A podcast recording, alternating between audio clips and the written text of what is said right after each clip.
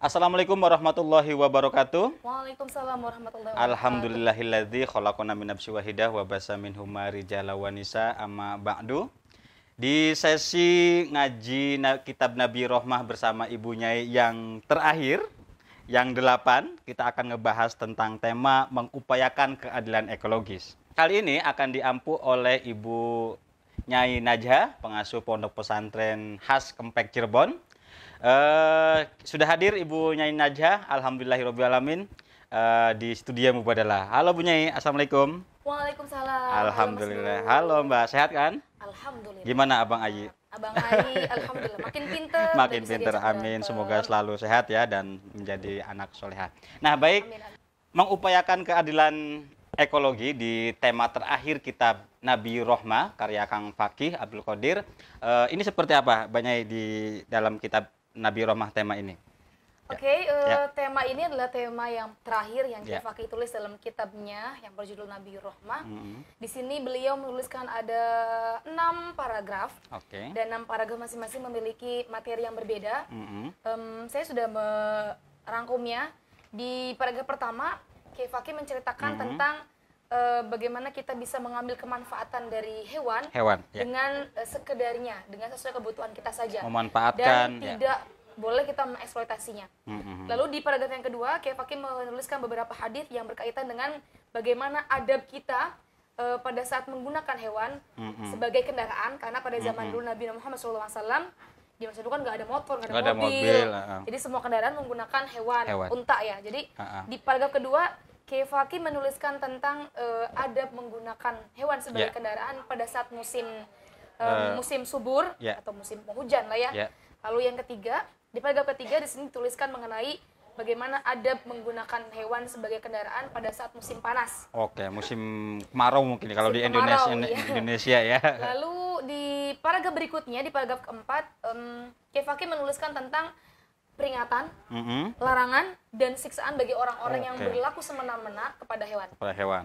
Lalu yang pada poin keempat, baru kemudian di sini Kiai Fakih menerangkan tentang eh, hadis yang berkaitan mengenai pentingnya menjaga lingkungan hidup Mhm. Eh, dan bahwa eh, di bagian paragraf kelima ini juga diterangkan tentang tentang eh, kemanfaatan dari menjaga lingkungan hidup itu adalah sesuatu yang bernilai sodako. Mhm, mhm. Dan di paragraf yang terakhir di sini diterangkan Ya. mengenai salah satu eh, bagian dari eh, kajian muamalah yaitu Mhm. bagaimana kita bisa menghidupkan lahan Mhm. eh, yang tandus atau lahan yang mati yang Oke. tidak ada yang mengelolanya. Nah, jadi dari enam ini eh, ada tiga, tiga empat bab yang menerangkan mengenai hewan, Hewan. mhm. dan tiga dan dua paragraf, maksudnya empat empat paragraf ya. Ya. Empat paragraf menerangkan mengenai hewan dan dua paragraf menerangkan Lingkungan. mengenai lingkungan hidup. Oke, baik. Nah, judul kita adalah uh, sore hari ini Mas Dul yang terakhir adalah Ya. Ar-Rahmatu bil hayawani wal hifadhu 'alil bi'ati. Mm-mm. Yaitu berlaku kasih sayang kepada eh, hewan-hewan dan juga menjaga kelestarian lingkungan hidup. Ini penting sekali dan Fakih luar biasa menuliskan di tema yang paling terakhir itu sangat menarik mengenai Lingkungan. pentingnya kita menjaga ekologi, Ekologis. ekosistem kehidupan Ekosistem kita kehidupan, di ya. mana kita hidup sebagai manusia khalifatul fil ard, kita bersebelahan dengan eh, bersama dengan hewan-hewan dan juga dengan tumbuh-tumbuhan. Ya. Itu Mas Dul. Oke.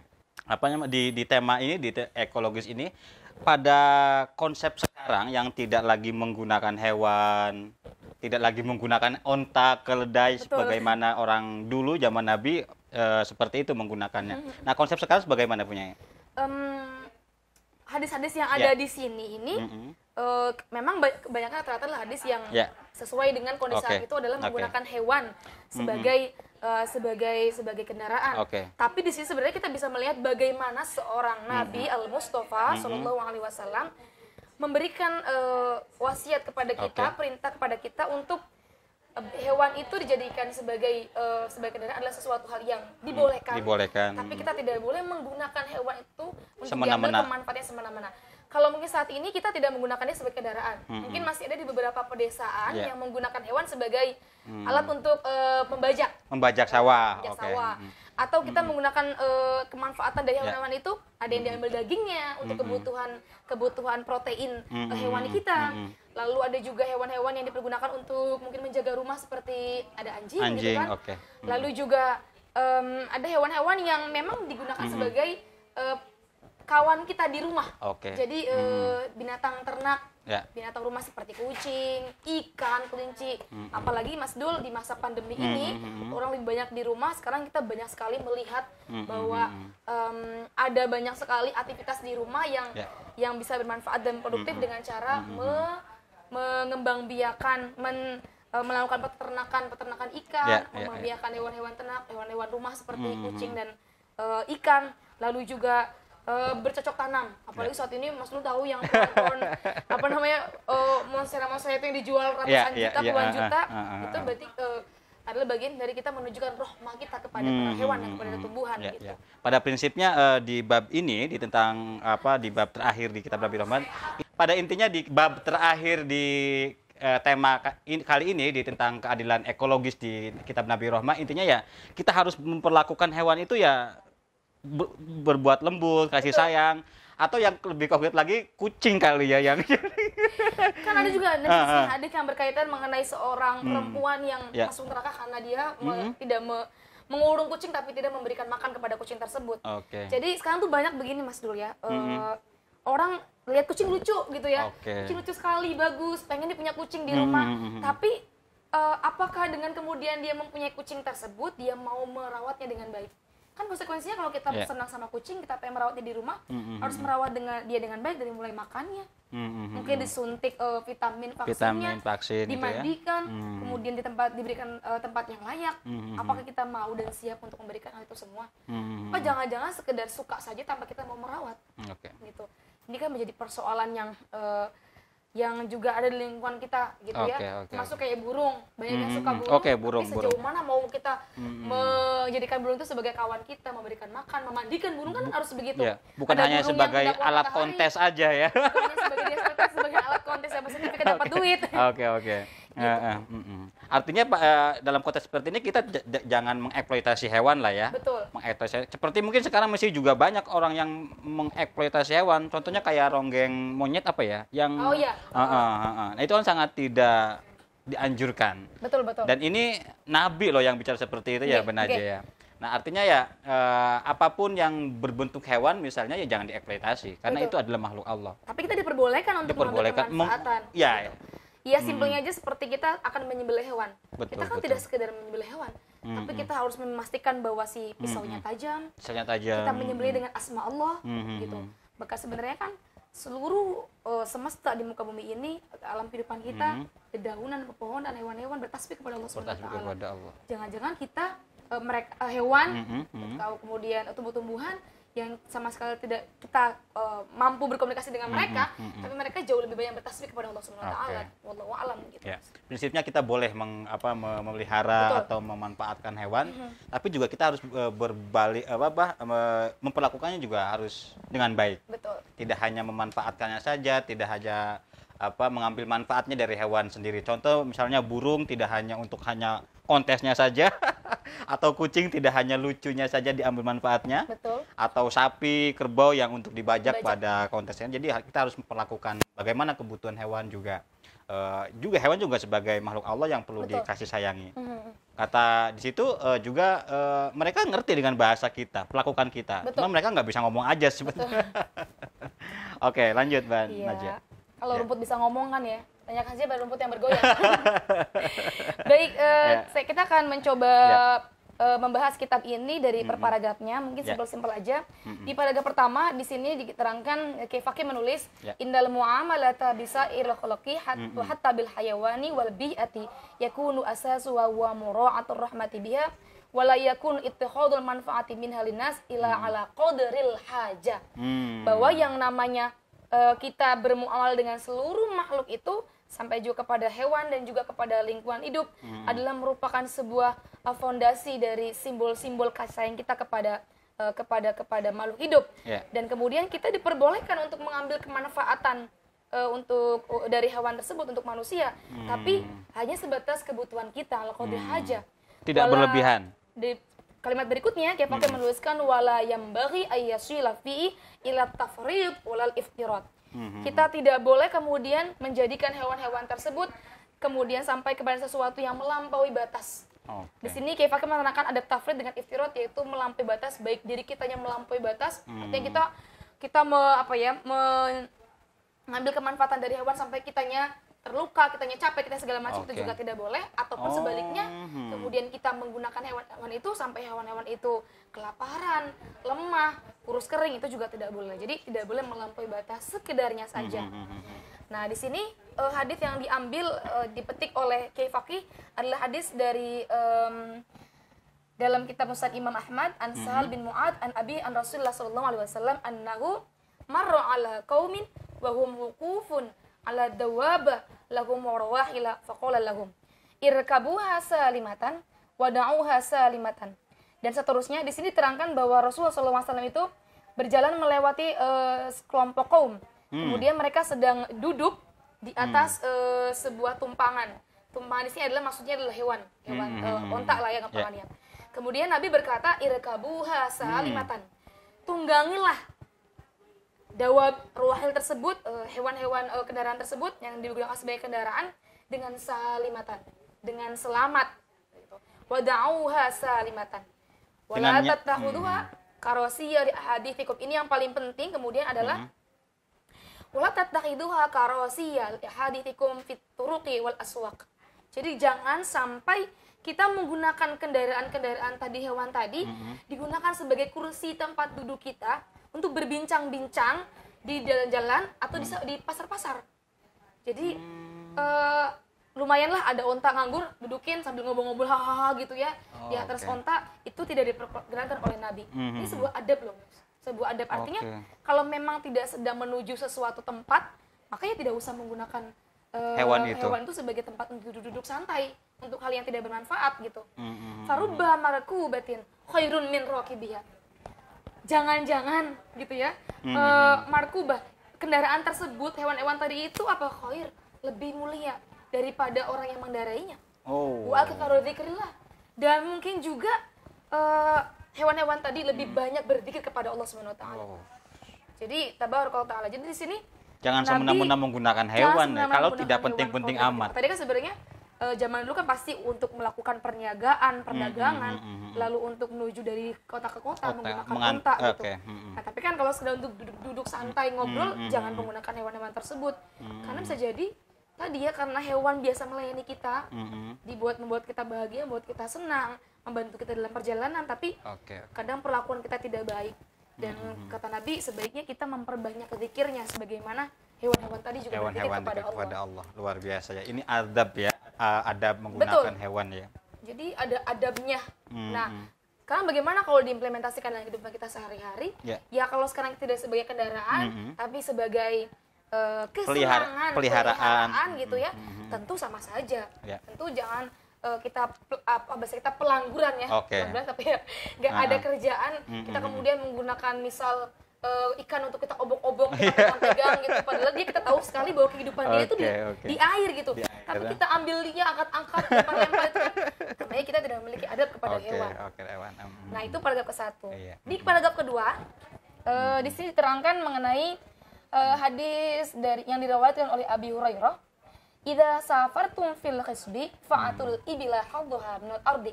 Mhm. Kalau kalian sedang bepergian Mhm. fil hisbi dalam keadaan eh, tanah yang subur. Tanah yang subur kan berarti sedang sedang hijau. Oke. Sedang mungkin banyak curah hujannya. Mhm. Uh, Fatu al ibilah hadduha. Maka berikanlah ontak tersebut makanannya Diberikan kesempatan berhenti. minal ardi dari bumi. Jadi kan Hmm. kalau lagi subur kan tumbuh-tumbuhan hijau, banyak rumput apa segala macam kan Mas. Hmm. Jadi persilakanlah si hewan itu tadi untuk bisa makan, Hmm. untuk bisa makan dari eh, Oke, yang ada oke, di bumi mungkin kalau ada rumput-rumput, ada Hmm. tanaman-tanaman apa yang bisa dimakan oleh si unta tadi. Jangan dipaksakan terus berjalan Terus ya. berjalan betul. Oke. Wa idza safartum fis Mm-mm. sana Ya. dan jika kalian bepergian selama selama setahun Mus- mm-mm. fa asri'u 'alaiha sayra wa Mm-mm. i- da- maka percepatlah perjalanan kalian.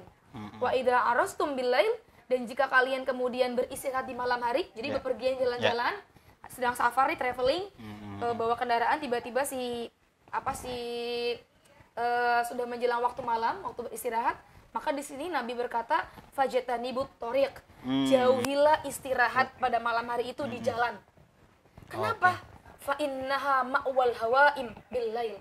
Karena jalan tadi itu bisa jadi menjadi tempatnya berjalannya untuk para serangga-serangga dan binatang melata Oke, di malam hari. oke, oke. Ini adab yang luar biasa, Mas. Mm, Jadi mm, kalau mm. malam hari berhenti dulu deh istirahat. Hmm, kalau jangan istirahat, dipaksakan ya. istirahatnya jangan di tempat yang tadi jalanan yang jelas jalan itu dilalui oleh hewan-hewan yang lain Hmm. selain kendaraan yang dia gunakan untuk pergi Oke, menuju oke. eh, tempat tujuannya. Jadi Hmm. tidak hanya pada ke- hewan yang sedang dipakai untuk kendaraannya saja, tapi Hmm. juga hewan-hewan yang mungkin melintas di jalannya. Hmm, Insya Allah.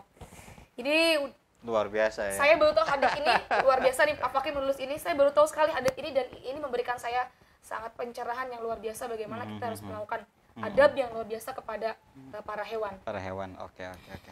Kemudian di sini juga eh, dijelaskan di bagian terakhir Mm-mm. eh, hadis yang diriwayatkan oleh eh, Sahal bin uh, ya mengatakan bahwa Rasulullah SAW bersabda, "Ittaqullah fi hadil bahaim al-mu'ajjama." Bertakwalah kepada Allah fi hadil bahaim al-mu'ajjama.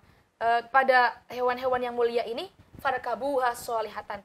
Maka tunggangilah hewan-hewan tersebut dengan baik. Wa kuluha solihatan. Dan makanlah makanlah eh, dari hewan-hewan tadi eh, eh, unta dengan solihatan dengan baik. Artinya kita mau menjadikannya sebagai hewan kendaraan mau menjadikannya sebagai eh, makanan Ma- hmm. mau menjadikannya sebagai sebagai eh, hiasan peliharaan tetapi kita harus punya adab memperlakukan mereka dengan solihah dengan baik dengan Hmm, apik hmm, gitu. Hmm, itu paragraf kedua mas Oke. Dul. Ya. makin menarik nih kayaknya Tuh. Di paragraf berikutnya, Mm. paragraf ketiga, di sini ada em, di kitab Muwatta Imam Malik Mhm. an Abi Ubaid Maula Sulaiman bin Abdul Malik an Khalid bin Ma'dan yarfa'u inna tabaraka wa ta'ala rafiqun yuhibbur rafiq wa yardu bihi wa yu'inu alaihi ma la yu'inu alal unfi. Fa idza rakibtum hadid dawab al ujma fanziluha manazilaha fa in kanat al ardu jadbatan. Ini ya. Saya akan membacakan yang memaknai pada kata fa in kanat al ardu jadbatan. Dan jika kondisinya eh, bumi ini kondisi buminya tanahnya dalam keadaan tandus kering Mm. fanju alaiha bi biniqiha maka eh, harusnya kalian bisa eh, menyelamatkan hewan-hewan tersebut eh, biniqya dengan membersihkannya wa alaikum bisairil lail fa innal arda eh, tutwa bil lail ma la tutwa bin nahar dan pada saat musim kemarau yang panas dan tandus Rasulullah memberikan perintah untuk eh, kita bisa melakukan perjalanannya pada malam hari Mhm. karena pada malam hari tersebut eh, cuaca kan adem. Mhm. Kalau siang kan panas. kemarau pasti sangat Ya, panas sangat luar panas. biasa, maka dianjurkan untuk melakukan perjalanan pada malam hari karena eh, pada malam hari itu Allah eh, melipat malam jadi bisa waktunya lebih cepat daripada Hmm, siang hari. hmm, hmm, hmm. Dan Allah tidak melipat eh, seperti melipat pada malam hari Ya. pada siang hari gitu. Nah, wa iyyakum wa ta'ris ala tariq fa turuqud dawab wa ma'wal hayat. Ini juga diterangkan mengenai eh, bahwa kita eh, sebaiknya kalau beristirahat lagi harus mencari tempat yang benar-benar aman yang Hmm. eh, tempat tersebut bukan jalan yang dilalui oleh eh, serangga-serangga, oleh insekta-insekta atau Ya. oleh eh, hewan-hewan melata lainnya. Ya. Itu di paragraf ketiga. Oke. Em, kemudian kalau kita menuju ke paragraf ke keempat, Mhm. di sini em Kiai Fakih Abdul Qadir menyantumkan beberapa hadis juga mengenai eh, peringatan, larangan dan siksaan bagi orang-orang yang berlaku semena-mena kepada hewan. Kepada hewan. Di sini diterangkan bahwa ada hadis eh, dari Abdullah bin Umar radhiyallahu anha, anna Rasulullah SAW qol, Udzibat imra'atun fi hirah. Disiksalah seorang perempuan karena sebab kucing. Hmm. Habasatha hatta matat. Kenapa? Karena perempuan tersebut mengurung kucing tersebut sampai kucingnya mati. Oh. Mati karena sebab apa? Ju'an. Karena sebab dia kelaparan. Fadakhalas fihanna. Maka dia masuk dalam neraka. Qala faqala wallahu alam la anti atwa tiha wala saqaitiha hina habasat hina habastiha wala anti arsaltiha fa akalas min hasyasil ardi. Di sini terangkan bahwa eh, Allah Subhanahu wa taala memasukkan dia ke dalam neraka karena anti eh, atau atau amtiha. Tidak memberikan dia makan, Makan. wala saqai saqaitiha. Dan tidak juga membiarkan dia untuk eh, bisa keluar sehingga sehingga dia bisa mencari makan dari makanan-makanan yang ada di bumi. Artinya tadi ya saya bilang kalau ada orang yang sayang pada hewan, cinta, seneng, maka harusnya kecintaan itu bisa di bisa diimbangi dengan kita merawatnya juga dengan baik gitu. Ya. Tapi nyatanya di sini ada kisah seorang perempuan yang dia kemudian mengambil seorang kucing dikurung di rumah, Hmm. tidak diberi makan, tidak dikasihani, tidak dirawat. Tapi dia tidak mengeluarkannya juga. Artinya harusnya kalau dia mau merawatnya di rumah ya diberikan makan Diberikan yang makan, layak, ya. Hmm. tempat yang layak gitu. Oke. Oke, itu adalah sebuah siksaan bagi seorang perempuan mm, tadi karena ya. sebab menye- eh, menyebabkan kematian seorang kucing Oke. kelaparan. Ya. Dan di sini juga ada sebuah eh, hadith yang diterangkan bahwa eh, di Sunan Anasai ya, Amr bin Syarid. Mhm. Qala sami'tu asy-syarida yaqulu sami'tu Rasulullah SAW yaqul man qatala usfuran. Siapa orang yang me- membunuh membunuh eh, burung. Siapa orang yang membunuh burung kutilang Hmm. abatan dengan tanpa sebab apa pun. Jadi sengaja aja membunuh Menembak sengaja menembak, aja menembak gitu. gitu ya. Kemudian aja ilallah azza wa jalla yaumal qiyamah. Hati-hati loh. Hmm. Wow. Kita sembarangan membunuh hewan-hewan, maka Allah maka hewan-hewan tadi akan akan akan Menuntut. mengadu, melapor kepada Allah Subhanahu wa taala. Wow. Pada hari kiamat nanti dengan berkata, "Ya Rabbi, inna fulanan qatalani abatan." Hmm. Ya Allah, wahai Tuhanku, wahai Rabb, sesungguhnya orang fulan tadi telah membunuhku dengan dengan dengan dengan dengan dengan Sengaja. sengaja, dengan tidak ada maksud apa pun, dengan tidak ada kemanfaatan, walam yaqtulni Hmm, li manfaati dan dia tidak membunuhku karena sebab sebuah kemanfaatan. Makanya ini hal yang paling sering yang paling sering kita temukan di di kehidupan sehari kita. Kita kan sering lihat Mas, dulu kalau ada eh, gula pasti ada Mhm. semut Ada semut. semut pasti banyak. Bagaimana ketika semut itu banyak? eh, apakah kita akan membunuh semut itu dengan dengan semena-mena? Mhm. semprot, siram pakai air, Mhm. atau kita pilih satu-satu? Itu kan Mhm. jahat banget sebenarnya. Mhm. Apa salahnya semut? Kan ada gula nganggur. Siapa yang menyebabkan gula di situ terbuka? Kan kita membukakan gula seolah-olah memberikan, Memberikan makan, makan. untuk Hmm. semut silakan makan gitu kan ya. Dan ketika dia makan maka adab yang baik adalah bukan kita membunuh kucing, membunuh si Semutnya. semutnya. Karena tadi lo hati-hati, semut itu tadi yang banyak kalau kita kemudian semena-mena membunuhnya akan lapor, akan mengadu pada Allah Taala, ya Rob, aku semut ini dibunuh oleh seorang fulan fulanah Hmm. dengan sengaja tanpa ada maksud apa pun. Artinya Ya. maka ya tinggal sebenarnya semut itu kan gampang mas. Tinggal kita Tinggal tutup rapat eh, gulanya.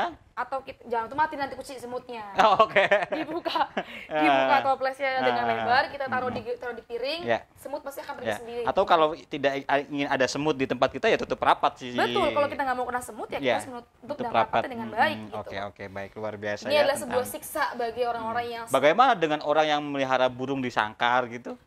Tadi makanya sebenarnya nggak apa-apa dia mau mau ngurungnya di Ah, sangkar. yang penting diperlakukan dengan baik. Dilakukan dengan baik. Oke. Meskipun sebenarnya ekosistem yang baik kan burung Ya itu belum di bukan di sangkar, Iya, di alam bebas. tapi di alam bebas.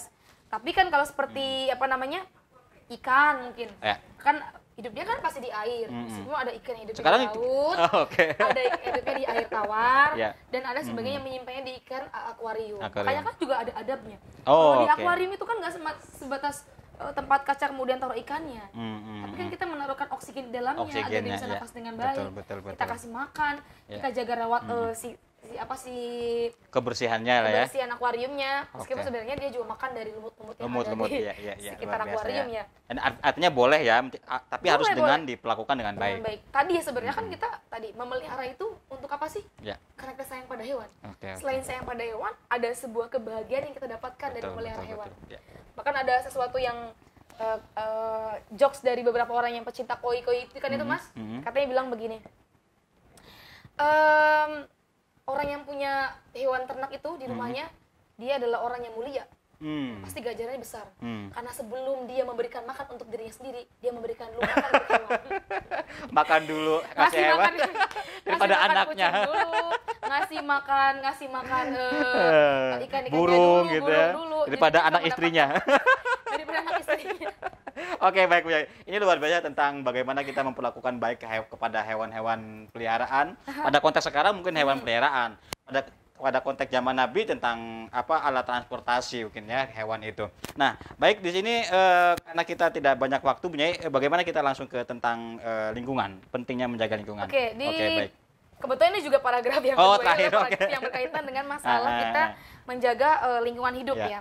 Eh, di sini ada sebuah hadis Ya. di dalam Sahih Muslim hadis riwayat Abi Hurairah dijelaskan al imanu bid'un wa sab'un Hmm. au bid'un wa sittun syu'batan bahwa eh, iman itu memiliki cabang lebih Ya. dari 70 atau mungkin lebih Hmm. dari 60 Ya. cabangnya fa'afdaluha qaulu la ilaha illallah Hmm. dan yang paling utama dari iman adalah meng- Mengucap ucapan la la ilaha illallah, illallah. Tauhid, lalu ya? ada naha dan yang paling rendah Mhm. eh, dalam eh, dalam cabang iman tersebut adalah imatatul ada mengambil sesuatu yang eh, duri atau Mhm. sesuatu yang membahayakan dari anitorik dari sejalan Oke. wal haya'u Hmm. syu'batan minal iman dan malu juga merupakan bagian dari iman. Oh, Di oke. sini eh Kiai Fakih menjabarkan mengenai bahwa kalimat imatatul ada anit tariq Mhm. mengambil Duri eh, di jalan. yang ada di mengambil duri yang ada di jalan adalah bagian dari kita menjaga lingkungan hidup kita. Duri itu apa? Ya sesuatu yang menghalangi jalan. Mungkin konteks sekarang Eh, paku kali ya. Paku atau simpel aja sampah. Sampah, oke. Heeh, heeh. Sampah. Kita kan juga eh, meskipun sampah terlihat seperti sesuatu barang yang ringan, Mhm. tapi kalau sampahnya banyak menumpuk kan menjadi sesuatu yang membahayakan bagi kehidupan kita. mhm, mhm, mhm. Jadi memungut sampah dari jalanan tuh adalah bagian dari cabang iman. Oh, ini Gitu sederhana kan. banget ya, Mbak? ya? Sederhana banget sebenarnya Hmm, ini. Nggak cuma sekedar paku atau pernah paku ya tentu. Iya, iya. Tapi ada di sini kita bisa meng, apa, mengkontekstualitaskan dengan hari ini adalah konteksnya adalah bisa tadi sampah, sampah oke, atau oke. seperti eh, kulitnya pisang yang bikin le- yang bisa licin, bikin licin Mhm. kemudian eh, membuat orang membuat bahaya. bahaya gitu Iya, kan. iya, iya. Lah, lalu di sini juga ada sebuah hadis yang eh, bagus sekali Mhm, mhm. di sini yang mengatakan bahwa menjaga lingkungan hidup itu adalah bagian dari sodako. Wow, Ya. menjaga lingkungan adalah An bagian dari Anas sedekah. radhiyallahu anhu qol qala Rasulullah sallallahu alaihi wasallam ma min muslimin yaghrisu gharsan aw yazra'u zar'an fayakulu minhu tayrun aw insanun aw bahimatun illa aw bahimatun illa kana lahu bihi shadaqatun. Di sini terangkan bahwa eh, seorang muslim yang dia kemudian melakukan perkebunan, Oh, berkebun wayazra azar'an dan dia juga melakukan sebuah pertanian. Kemudian dari perkebunan dan pertanian itu eh, hewan burung-burung, mhm. manusia atau hewan-hewan bisa makan dari perkebunan, perkebunan dan, itu. perte- da- dan dan dan pertanian tersebut eh, karena lahu bihi sodako. Hmm. Itu merupakan sebuah sodako. Insya Allah. Jadi sodako tuh banyak sekali caranya. Selain senyum tadi yang paling gampang ya. Ternyata para petani, Hmm. para pekebun yang punya tanaman eh, kebun-kebun di rumahnya, kemudian Sawah, punya padi gitu sawah, ya. padi, punya eh, pohon-pohon mangga, ini itu sebagainya.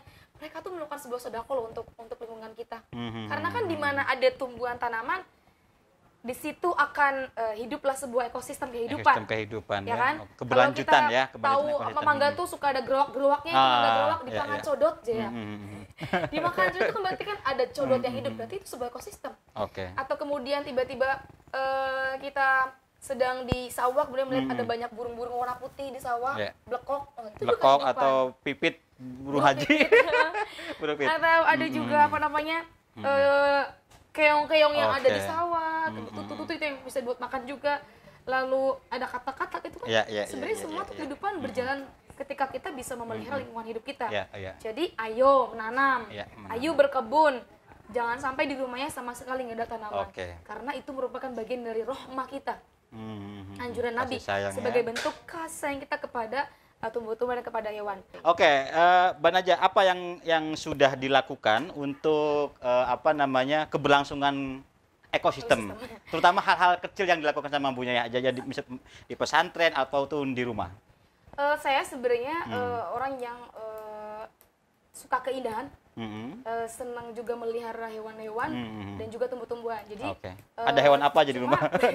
nggak banyak sebenarnya. Saya mencintai hewan, cuma Mhm. setiap kali ingin menambah hewan itu Ya. saya berpikir apakah saya bisa memberikan makan hewan-hewan tersebut. Mhm. Jadi yang simple aja. Yang pertama saya punya balung ikan Oh, di oke. depan eh, majelis ngaji anak-anak Mm-hmm. itu dan eh, saya senang karena balong tersebut bisa menjadi eh, tempat untuk anak-anak mutolaah Hmm. sambil melihat hewan ngas- ng- lihat Sambil ikan, ngadem, sambil ngederes ngadem, gitu ya. ikan deres. Mutolaah gitu kan ya. hati itu berbahagia berbunga-bunga mas ketika Oke. melihat sederhana aja ikan makan eh, ngambil makanan makanannya Mhm. ikan lalu lalang jalan-jalan bergerombolan itu Mhm. ada sebuah kebahagiaan yang kita dapatkan ketika kita melihat eh, ikan tersebut kan Mhm. Lalu juga ada beberapa tanaman. Hmm. Saya itu sebenarnya sempat eh, teracuni oleh tanaman-tanaman yang mahal itu. Tapi kemudian saya kapok untuk membelinya karena saya merasa bahwa insecure diri saya sendiri tidak bisa mengasuh, Hmm. merawat Tidak merawat. eh, hewan eh eh, bukan hewan Binatang. Ah, yang apa mahal tanaman? tadi. Akhirnya saya eh, menginisiasi untuk saya menanam suket ajallah yang gampang. Jadi saya tanam itu rumput-rumput eh, gajah di samping depan rumah. Oke. Eh, biar kalau rumput kan tumbuhnya cepet harus Hmm, diopeni susah-susah gampang gitu ngopeninya Iya. ya jadi saya punya eh, taman yang sederhana. Hmm, kemudian ada beberapa buah-buahan juga yang tumbuh di situ. Ada jambu Hmm. ada mangga ada pepaya ada belimbing Hmm. eh, kemudian ada ikan. Dan juga saya sudah menginisiasi kepada adik-adik santri anak-anak saya untuk ayu bareng-bareng membantu menjaga lingkungan hidup kita dengan baik yaitu pertama ada pemilahan sampah Oh, asrama, plastik dan yaitu organik dan organik. organik dengan anorganik yang organik dijadikan sebagai makanan untuk magot. Oh, oke. Lalu yang organik yang bernilai eh, bernilai ekonomi ya Mhm. eh, seperti Kardus. kardus, Hmm. kemudian eh, cup cup bekas Hmm. minuman atau mika-mika bekas makan itu yang bisa dijual kembali kita kumpulkan kemudian kita jual ke ke tempat lolak ya Ya. itu alhamdulillah sudah berjalan Wow, sekitar dua tahun biasa ini. ya. Dan satu lagi juga saya mewajibkan semua anak-anak saya untuk punya masing-masing tumbler. Jadi Oh. sudah terkenal eh, di apa namanya di asrama di komplek pesantren itu kalau ada anak-anak santri yang bawa tumbler pasti anaknya Ibu Najah. Udah punya brand ya. Karena saya mewajibkan semua untuk Oh, punya tumbler dan eh, kalau ke mana-mana diisi ulang. Luar Kalau beli biasa. es Inisiatif pakainya, untuk, eh, pakainya mm, tumbler itu sih Oke. yang sudah saya lakukan untuk bisa Oke. menginisiasi menjaga Mengurangi sampah hidup, ya, menjaga Termasuk lingkungan. juga Mm-mm. eh, seperti tempat-tempat eh, makanan-makanan dan minuman yang ada di warung-warung sekitar. Mm-mm. Seperti ini kan ya, eh, ini juga Ya. jualannya ah, ah. di pondok ini eh, kopi bilik ini, kopi susu yang kita gunakan ini eh, sebagai tempat yang mungkin bisa dipakai lagi setelah habis. Oh, bisa di bisa, bisa buat dipakai. tempat minum lagi. Kemudian juga ada pesan tersirat di sini Oke. bahwa setelah habis mau letakkan Oke. botol ini pada tempat eh, sampah, sampah ya. ya. gitu ya. Luar biasa Kalau pesannya ya. buang ke Nah, sampah. ini adalah contoh kecil ya untuk Betul. mengurangi eh, sampah juga melestarikan lingkungan supaya tetap indah. Luar biasa terima kasih Mbak Najah sudah berbagi eh, pengetahuan, sharing tentang pengalaman juga apa yang telah diperbuat untuk keadil apa untuk keberlangsungan eh, lingkungan kita. Ini tentu tema terakhir di kitab Nabi Rohmah tentang apa kitab yang menerangkan tentang betapa kasih sayangnya seorang nabi kepada kita semua kepada alam semesta sesuai dengan Al-Qur'an wa ma arsalna ila rahmatan lil alamin. Betul. Itu saja dari saya dan ini adalah sesi terakhir dari kitab ngaji kitab Nabi Roma bersama Ibu Nyai. Silakan komentar di eh, apa di kolom komentar. Juga kritik sarannya sangat penting ya, perlu kami apa eh, teman-teman untuk memperbaiki eh, apa yang sudah kami lakukan. Terima kasih itu saja dari saya. Wallahul muwaffiq ila aqwamit Assalamualaikum warahmatullahi wabarakatuh.